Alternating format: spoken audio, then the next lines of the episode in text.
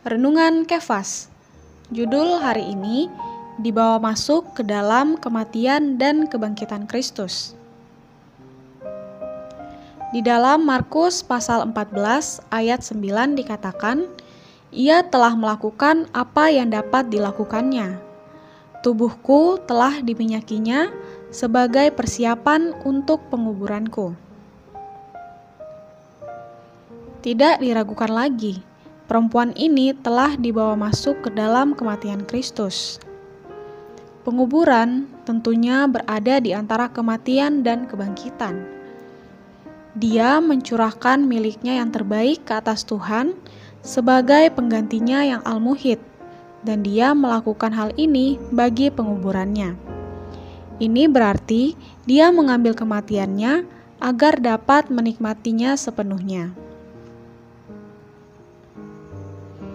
Jika kita hanya memiliki Injil Markus, kita tidak akan mampu memiliki pengertian yang memadai tentang apa artinya dibawa masuk ke dalam kematian dan kebangkitan Kristus. Ketika kita berada dalam kematian dan kebangkitan Kristus, kita dapat menikmati Dia sampai puncaknya. Perempuan ini sepenuhnya telah siap untuk mengambil Tuhan sebagai penggantinya.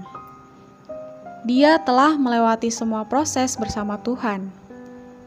Karena perempuan ini menerima perkataan Tuhan mengenai kematiannya, dia juga merebut kesempatan untuk mengurapi Tuhan bagi penguburannya.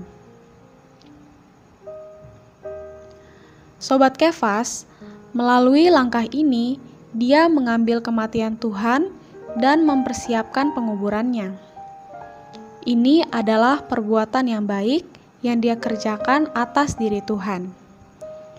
Dan hari ini, melalui teladan wanita ini, kita semua juga boleh menjadi orang yang berbagian di dalam kematian dan kebangkitannya, dengan mempersembahkan segala apa adanya kita kepada Tuhan, sehingga kita menjadi orang melewati proses bersama Tuhan dan menjadi orang yang menikmati kebangkitannya. Terang hari ini, satu, sudahkah kita menjadi orang yang mengambil bagian di dalam kematiannya? Dua, maukah kita mempersembahkan segala apa adanya kita kepada diri Allah?